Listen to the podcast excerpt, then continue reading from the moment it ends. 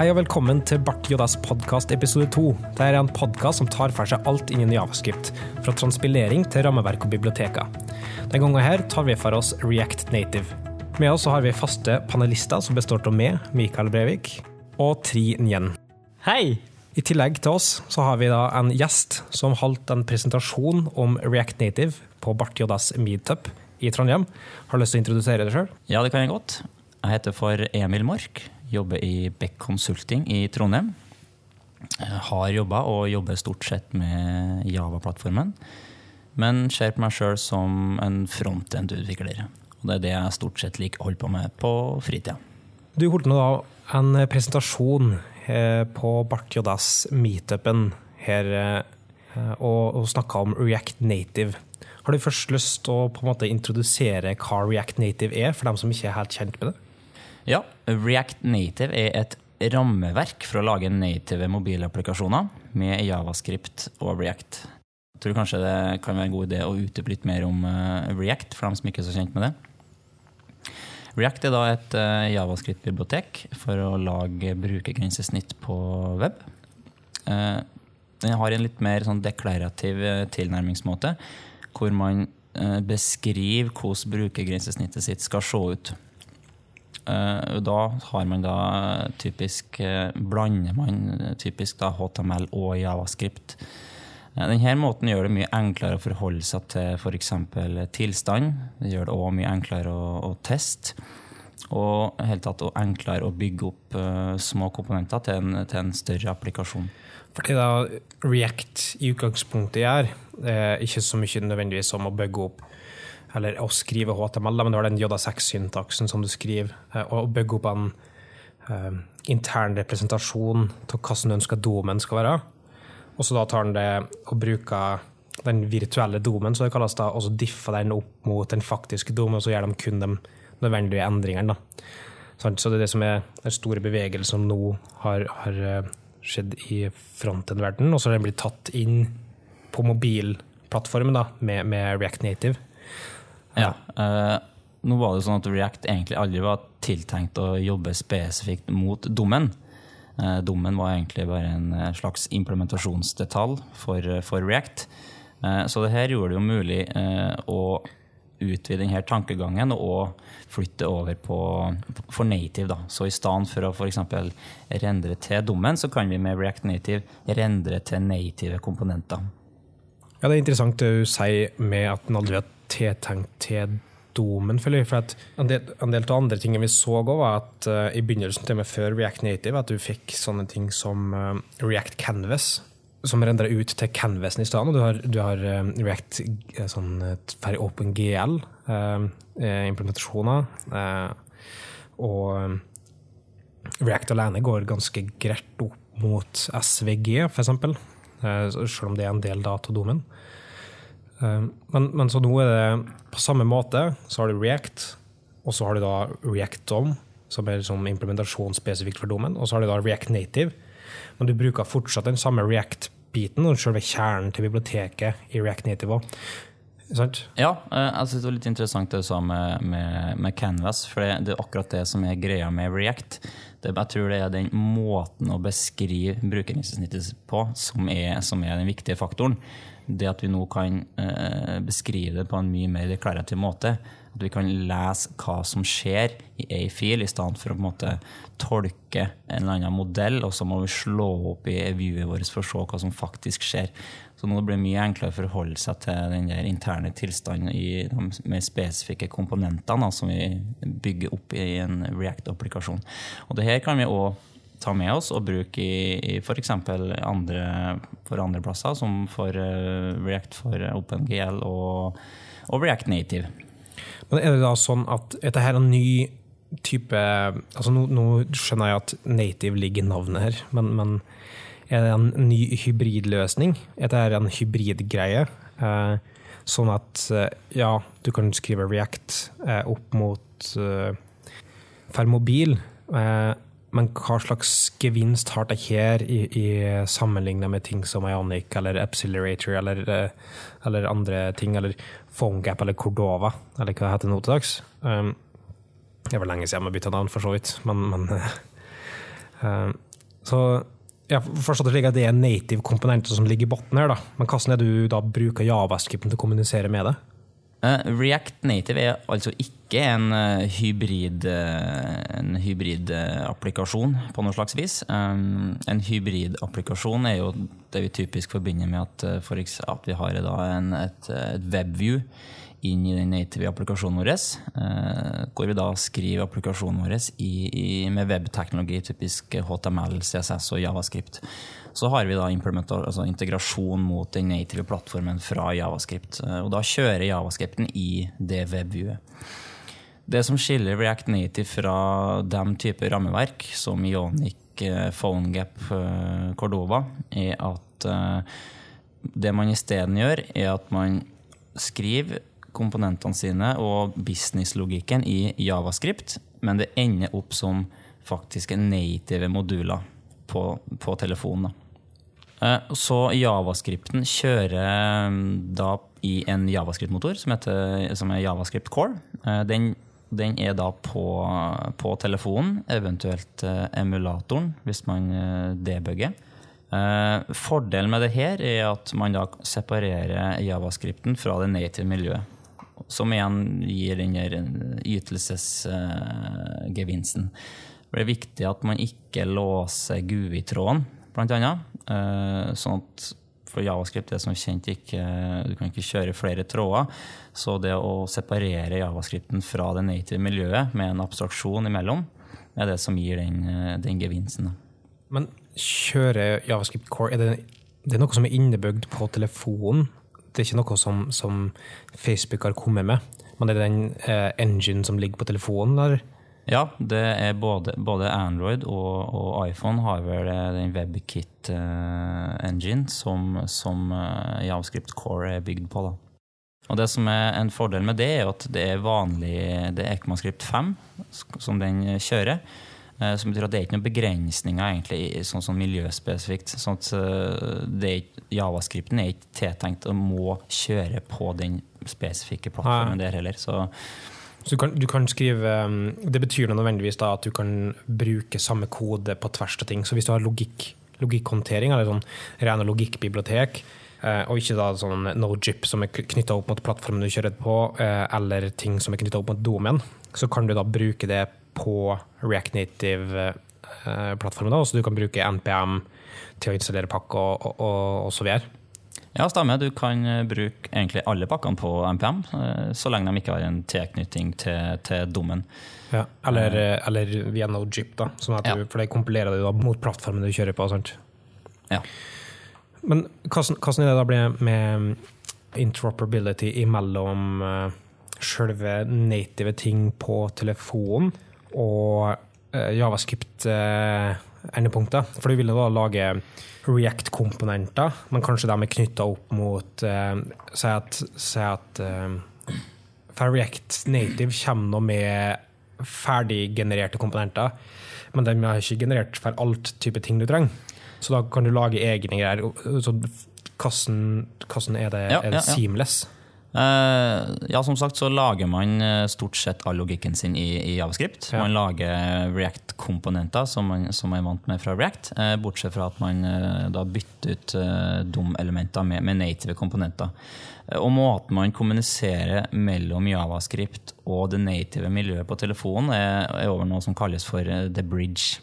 Og det her er bare en, en abstraksjon mellom native og javascript, eh, hvor man da sender asynkrone meldinger som da blir sendt i, sånne batcher. De blir serialisert, sendt over denne brua og tatt imot på andre sida. Eh, det native miljøet vil da eh, prosessere de her meldingene og eventuelt lage nye, eventuelt oppdatere de native modulene. Mm. Så du kan si at hvis man f.eks. har laga seg en, en knapp, eller en trykkbar komponent, idet man trykker på det, så vil React Native da invoke en eller annen event og putte i den der køa. Eh, Etter en gitt tid, når vi har samla opp en viss antall eventer, så vil man da sende dem over den brua og til Javascript, hvor de blir da prosessert. Eh, callbacks blir invoka. Eh, hvis man da har en komponent, så vil den typisk da få oppdatert tilstanden sin. Hvis man f.eks. har tykka på en sånn knapp som inkrementerer en teller, f.eks. Eh, når vi vil den telleren til å, å oppdatere GUI vårt igjen, eh, så finner React Native ut at hey, noe har endra seg. Eh, så må vi sende melding tilbake til det native miljøet. Så, sånn flyten fungerer. da. Forholdsvis interessant, og du skulle nesten tro at de som har, uh, har laga det, har peiling på, på javascript, men det, det emulerer da på mange måter hvordan hele kommunikasjonen mellom engine og, og browser f.eks. funker i, i vanlig javascript, da, der du har message queuer og asynke-meldinger som, som, står, i, eh, står og venter og, og blir callbacka. Så, så det er ikke noe sånn nødvendigvis en kjempeny måte måte å tenke på i, i forhold til javascript. Eller, da. Nei, og det er heller ikke en helt ny ting. For det, så vidt jeg er kjent, så har Accelerator har noe tilsvarende mm. i deres rammeverk. Eneste av altså, ulempen med, med, Accelerator kontra React Native er at, de, egentlig, at det ikke er React. At de har en mer sånn modell-view-arkitektur som man forholder seg til, uh, og hvor man da ofte ender opp med en litt mer sånn muterende tilstandting som, som typisk er et mm. problem i, i, i javascript-verden. Så React har da hele den der um, unidirectional flow-tingen gående ferse. Du har uh, funksjonelle komponenter, eller pure, com pure components, som du kan tenke på. Og tenke på um, sånn I utgangspunktet så bygger bare React opp et stort objekttre. Og en, en et element i React er egentlig bare et objekt som representerer slags, sånn, hva slags komponent den skal vise, og hva slags data den har. Det er alt som ligger med React. Um, så, sånn at, det vil si at du lager et stort, potensielt et stort tre med, med fullt sånne subobjekter, som, som, til slutt da blir hele uh, viewet ditt. Så, så, det funka jo utrolig bra matcha opp mot domen, for domen var bare et tre. sant? Uh, men det er ikke nødvendigvis sant i en native-verden. Du, har ikke, ikke tre nødvendigvis på samme måte som, som så klart eh, du har i domen. Sånn at, det, tror du det funka like bra med den unidirectional flow og pure components og så videre, hele den arkitekturstilen som vi har i Fair Web? Da. Tror du den funka på samme måte og like bra i native-verden? Native ja, i utgangspunktet så tenker jeg at det er egentlig ikke en ting som vi trenger å forholde oss så mye til. Det at vi bruker React, grunnen til at, vi, at React har blitt så populært, tror jeg at det er så mye enklere å forholde seg til sin egen applikasjon. Det er enklere å, å gå tilbake til ting man har gjort, og se hvordan ting fungerer. Eh, og det er mye enklere å, å, å skjønne seg på hele eh, strukturen i applikasjonen. Da. Man vet at ja, når jeg får inn data her, så vet jeg at eh, dataene ser sånn ut når de går ut igjen. Og det er jo for så vidt likt både for web og, og native. Det er ikke noe forskjell der. Um, altså, akkurat hvordan React Native velger å rendre komponentene på, det er jo egentlig likegyldig for min del, mm. så lenge jeg uh, kan ha en viss måte å forholde meg på til å bruke grensesnittet. Og for så vidt, den sånn arkitekturprinsippet her har eksistert mye lenger enn det det har gjort i, i frontend-verden, da. Kan vi si såpass, såpass uh, ydmyk man er sjøl med en, eh, en stor fan av frontend-programmering, så, så, er det nok et konsept som ikke er helt nyvinnende for, for frontend, og det er ikke nytt for i år, for å si det på den måten. Nei. Uh, så det er en velutprøvd pattern um, på mange måter. Men du, Tri er en, en um, sånn uh, sjølutnevnt, eller så utnevner jeg det nå, til en Fuse-fantast og fanboy. Uh, og, og, Fuse er litt interessant, jeg bringer det opp her nå, for at uh, Fuse handler også om, om, javascript til å lage mobilapplikasjoner. Kan du bare ta en superkjapp uh, oppsummering til hva Fuse er? Også, også gjerne en slags motpol til, til, React Native. Hva, hva er gjerne forskjellig? Ja, Fuse er jo også et uh, verktøy uh, som, som, er laga for å lage apps for uh, bl.a. IOS og Android. Og eh, når jeg så på presentasjonen til Emil, så, så tenkte jeg jo at det her er jo veldig likt Fuse. Og jeg har jo ikke prøvd React Native før jeg så på den presentasjonen. Det Fuse har på en måte valgt som deres uh, hovedtema, eller killer feature, er at Fuse er et verktøy for designere og utviklere, sånn at de kan jobbe sammen på en mye lettere måte. Sånn at uh, designeren kan, uh, ved f.eks. bruk av Sketch, det er jo noe som er innebygd støtte for den dag i dag, kan lage UI i, for telefoner og sånt, og så kan det importeres rett inn i, i Fuse, sånn at utvikleren kan sitte der og få design oppdatert live mens han sitter og skriver kode.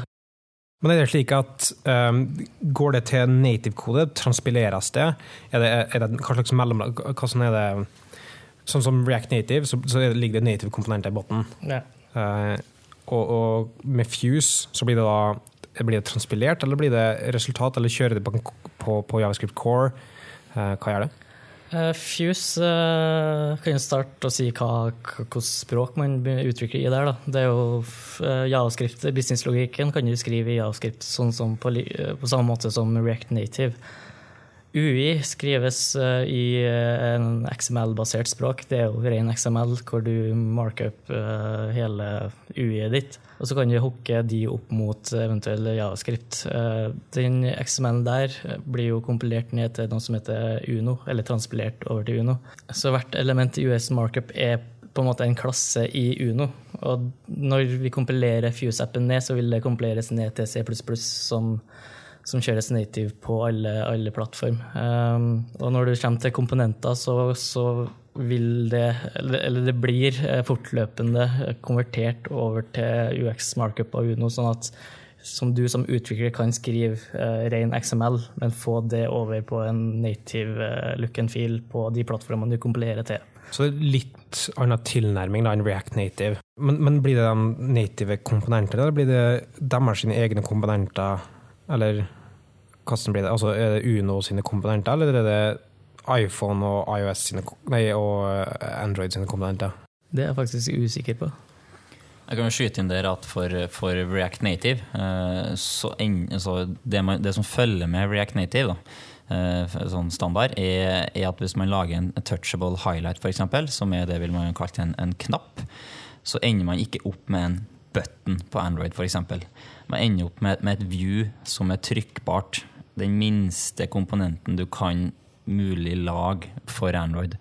Eh, og jeg tror litt av grunnen for at de har gjort det sånn her, jeg vet ikke hvordan det er i Fuse, men litt av grunnen for at de har gjort det sånn her, er at det er mye enklere å bygge opp komponenter basert på små komponenter, enn å ta en stor komponent og rive den fra hverandre, for så å bygge sin egen. Og det tror jeg er et godt eh, utgangspunkt. Sånn, vi kjenner det fra f.eks. fra CSS. Det er mye vanskeligere å på en måte ta og, å fjerne CSS-egenskaper fra en ting enn å, å, legge til nye egenskaper. Så jeg tror det er et sånn god absorpsjonsnivå å legge seg på sånn sett. da. Ja, og så har, liksom lagt, har React Native lagt opp da, til at miljøet rundt her kan være med å lage de komponentene. Uh, og det, det, har, det, skjer nå. Det har blitt et stort økosystem rundt React Native, som, som både kommer fra webutviklere, men òg native-utviklere. Så, så det er veldig spennende. Men da jeg foreslår i utgangspunktet Tri, at du kommer og holder en presentasjon på Barti JS eh, over nyåret om Fuse. Og så kan vi ta en litt lengre diskusjon om hvordan det funka. Eh, og så ser vi eh, Det blir interessant å se hvordan det kan sammenlignes opp mot React Native. Da. Det blir det. det, blir det. For det virker som at de kan løse litt av de samme problemene, men at de kanskje har en litt annen tilnærmingsmåte på det problemet. Mm.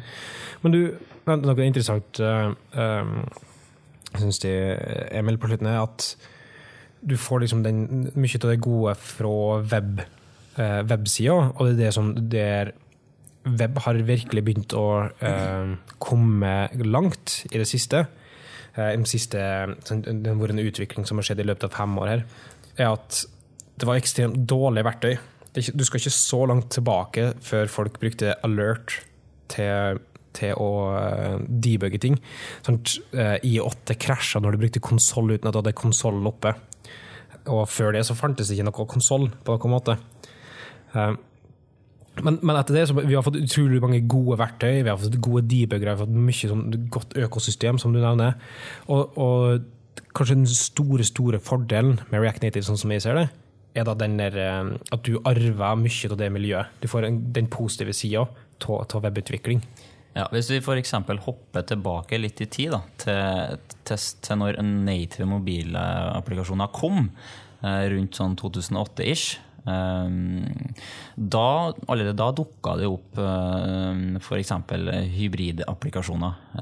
Allerede da kom det behovet for å lage native mobilapplikasjoner på en, på en enklere måte. Vi kunne istedenfor å lære oss den plattformspesifikke språket for IOS og Android, så kunne vi lage en applikasjon med, med webteknologi og embedde det inn i sida vår. Vi har lyst til å jobbe på en mye enklere måte. Og etter hvert som weben har utvikla seg, så har den jo blitt ekstremt smidig og fleksibel. Eh, som du sier, med at eh, før så hadde vi ikke engang eh, konsollogg, men det har vi jo nå. Eh, og det som jeg vil si at React Native er på en måte sånt, eh, en reaksjon på det. da. At vi hele tida har hatt et behov eller en sånn lengsel etter en enklere måte å lage native mobilapplikasjoner på.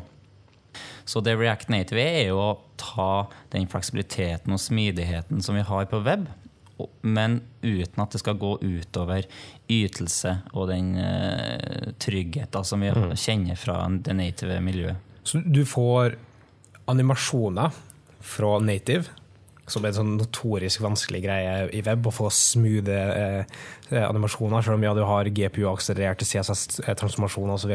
Men det, det, det, slår fortsatt ikke liksom, den gode native-feelinga. Men så får du òg det gode økosystemet og den gode som, som du sier, så fint, smidigheten, eller utrullingsmekanisme, kan du få fra den liksom, webverdenen i en native, eh, native um, ja, ikke sant? verden. Native er jo ekstremt statisk og tungt, og vi har tunge utviklingsverktøy. Det er vanskelig å skalere. Og ikke minst, vi har jo ingen kode eller, eller Vi kan ikke dele verken kunnskap eller kode mellom plattformene.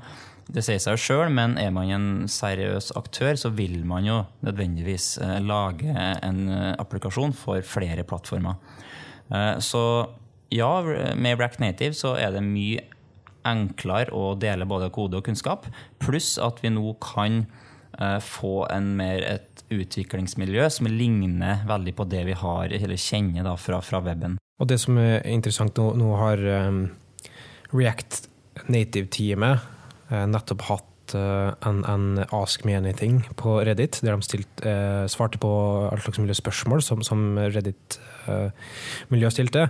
Og litt av det var om f.eks. Han, han, Christopher, som han franske eh, casen bak eh, React Native, fikk spørsmål om tooling, da. Om, om, om, det kom til å bli gjort noe mer jobb på tooling og, han skrev at han var interessert i å utvikle mye mer på toolinga, og det, uh, de jobba kontinuerlig med det. Uh, blant annet så, så han ekstremt fram til å få innebygd støtte for hot reloading. Og som, som vi nå på en måte vet, er at han, han Dan Abarov om jeg uttalte det rett, jeg sliter bestandig med det navnet. Men det er han som står da bak Redux, og, og React hotloading, uh, React drag and drop og etc. Um, har da begynt å jobbe for London-teamet React Native og, og, skal jobbe mye med, med tooling-støtte til, til, React Native. sånn at på, om ikke så altfor lang tid, han begynte nå for 14 dager, tror jeg, så om ikke så lenge så kommer vi til å se hot reloading bygd inn som en del av utviklingsmiljøet til, til React Native, tror jeg. Og sånne ting er at du ser gode trender, gode for eksempel, Eh, forskjellige miljø, eller eh, verktøystøtte fra weben, og så skjer det med en gang på en måte òg i, da, i mobil uh, native-verden, og det er ganske interessant. Så vil du tro at den støtta eller den smidigheten, den fleksibiliteten osv. fra webverden der, tror du at verktøy vil være en stor del av om React Native ordentlig lykkes eller ikke? Jeg er litt usikker. Jeg føler allerede at de har lyktes, på et vis. Ja. F.eks. Eh, sånn som vi jobber med weben, så er vi vant med å lagre koden vår, refreshe nettleseren. I enkelte tilfeller har vi hot reloading, så vi slipper å refreshe den òg. Eh, mm. Eh, og det har vi nå i React Native. Så jeg tenker I første omgang så kan vi ikke få bedre verktøystøtte for, for React Native enn vi har på web. Mm. Men når det er sagt, så kan jeg se for meg at det kommer flere integrasjoner mot, eh, mot, React Native for det økosystemet og, og, og generelt altså utviklermiljøet rundt React Native er, er, veldig stort. Og Facebook satser hardt på React Native. Eh, bruker masse ressurser og, og, har veldig mange ansatte som jobber faktisk fulltid med, med React Native. Ja, for tingen er at uh, Bare det teamet de som stilte opp på, på Ask Me Anything-opplegget, det var sånn ni, ni personer til core-teamet. De starter med to personer i februar i, år. Uh, nå har de vokst en del uh, allerede, men de har ganske mange. Og de, som sagt, de ansatte de ansatte prominente karakterer, sånn som Dan der, da. Eller Dan. Så, så det virker ekstremt som at Facebook satsa på React Native, og de satsa på React ganske, ganske hardt. De, eh, jeg syns jeg så eh, han Sebastian Markvåge, som står liksom for API-opplegget til React, nevne at de kjører masterbranch på Facebook. Sin, sin, altså Facebook.com kjører masterbranchen av React. Som sier litt om hva hardt de satser på det. Liksom, eh, det er ekstremt hva de investerer i. da. I, motsetning til f.eks. Angular, som ikke nødvendigvis har noen av de produksjonskode eh, i Angular, som ikke like investert. Det sier ikke nødvendigvis noe om eh, livstid om, på det, osv. Det er ikke det jeg sier, men, men det sier litt om at de har trua på, på produktet sitt sjøl. Og, og, jeg tror de må satse, satse hardt på React Native. Fordi eh, En annen ting som kom fram i den Ask Me Anythingen, Spørsmålet var noe sånn som at Tror dere at eh, Eller er målet at React Native skal ta over for native utvikling sånn som vi kjenner det? Og det var liksom kontantsvar ja. Uh, og det er litt interessant, for det betyr at de kan satse såpass hardt at de tror det uh, kommer til å endre native utvikling generelt. Ja, jeg er litt enig, men samtidig så tror jeg ikke det kommer til å erstatte native-utvikling som, som, vi kjenner det. Eh, nå trodde vi òg at uh, hybridapplikasjoner skulle erstatte native-utvikling når det kom.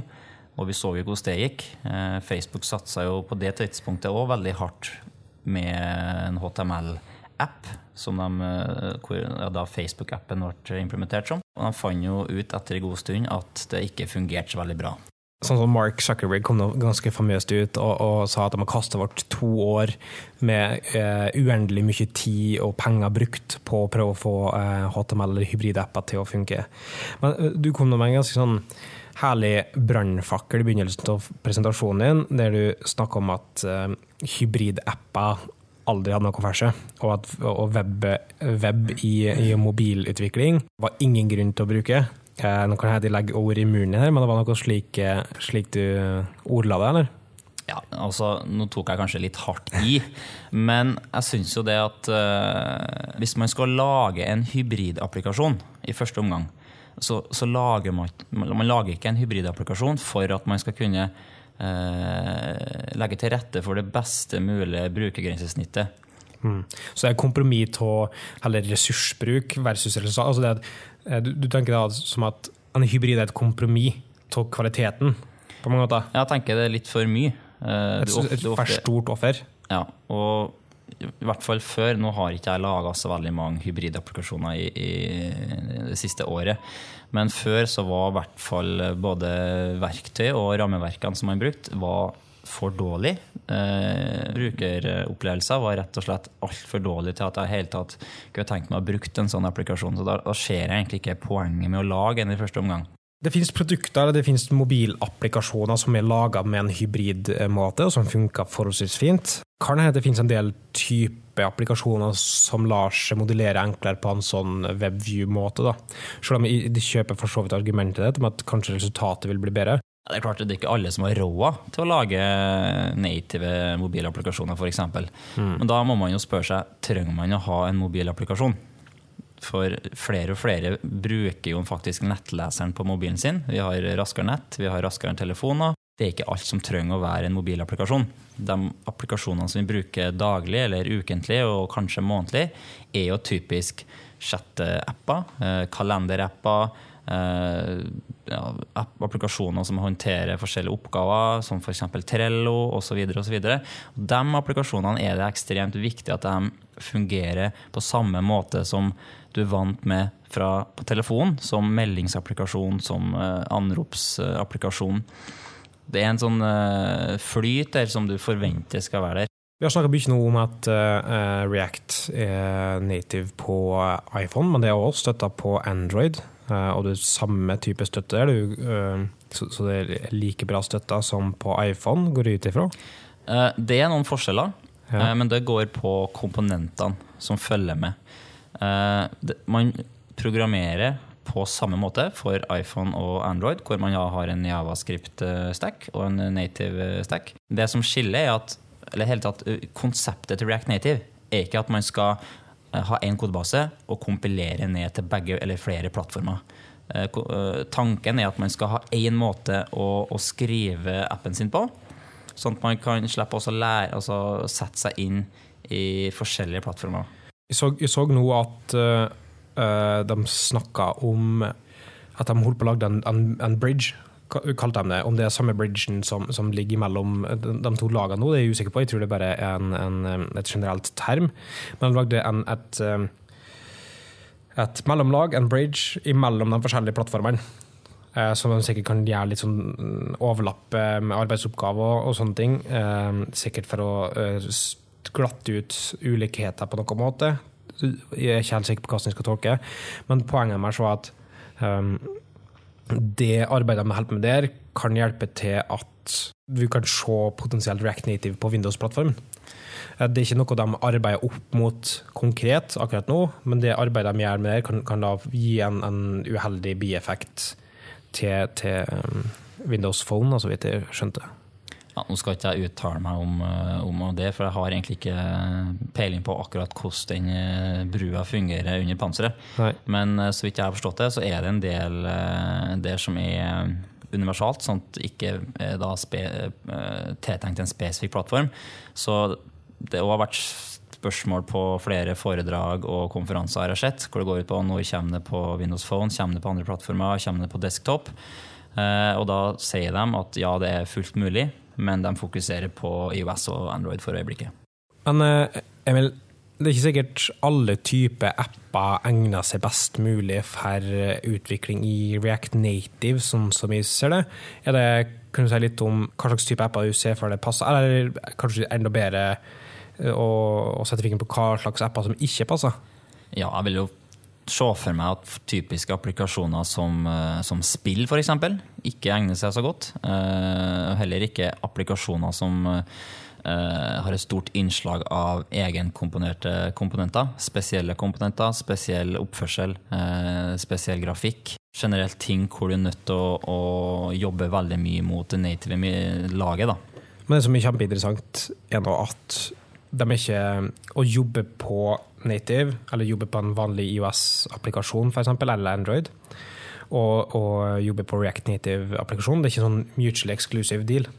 Så du kan fint si at React Native faktisk er eh, native. Så kan du fint bruke dem i lag.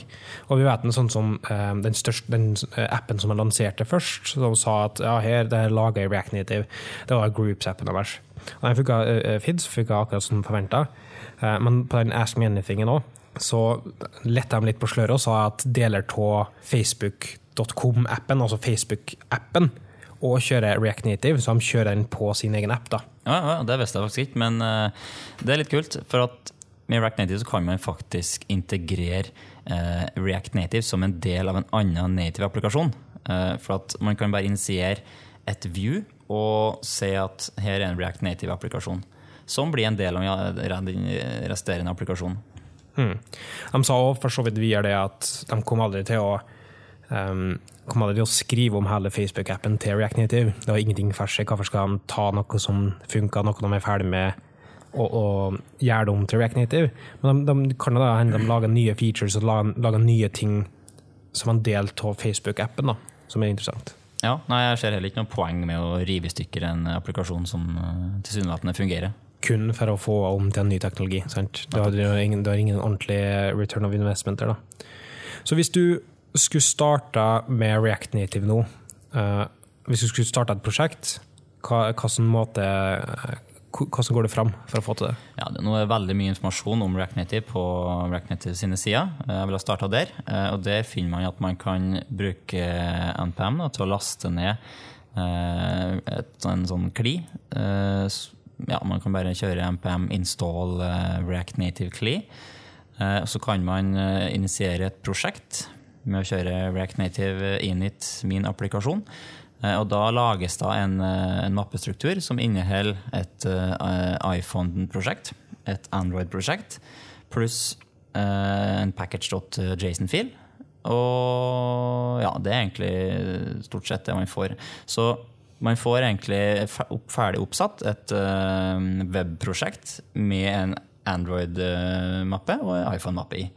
Må du da utvikle typisk i eh, Eclipse eller i, i Xcode og sånne ting, eller står det fritt på en måte til å være litt rundt av deg sjøl? Her kan du kode i hva du vil. Uh, Javascripten kan man jo ja, kode i f.eks. Sublime eller Atom eller den ideen som man liker best.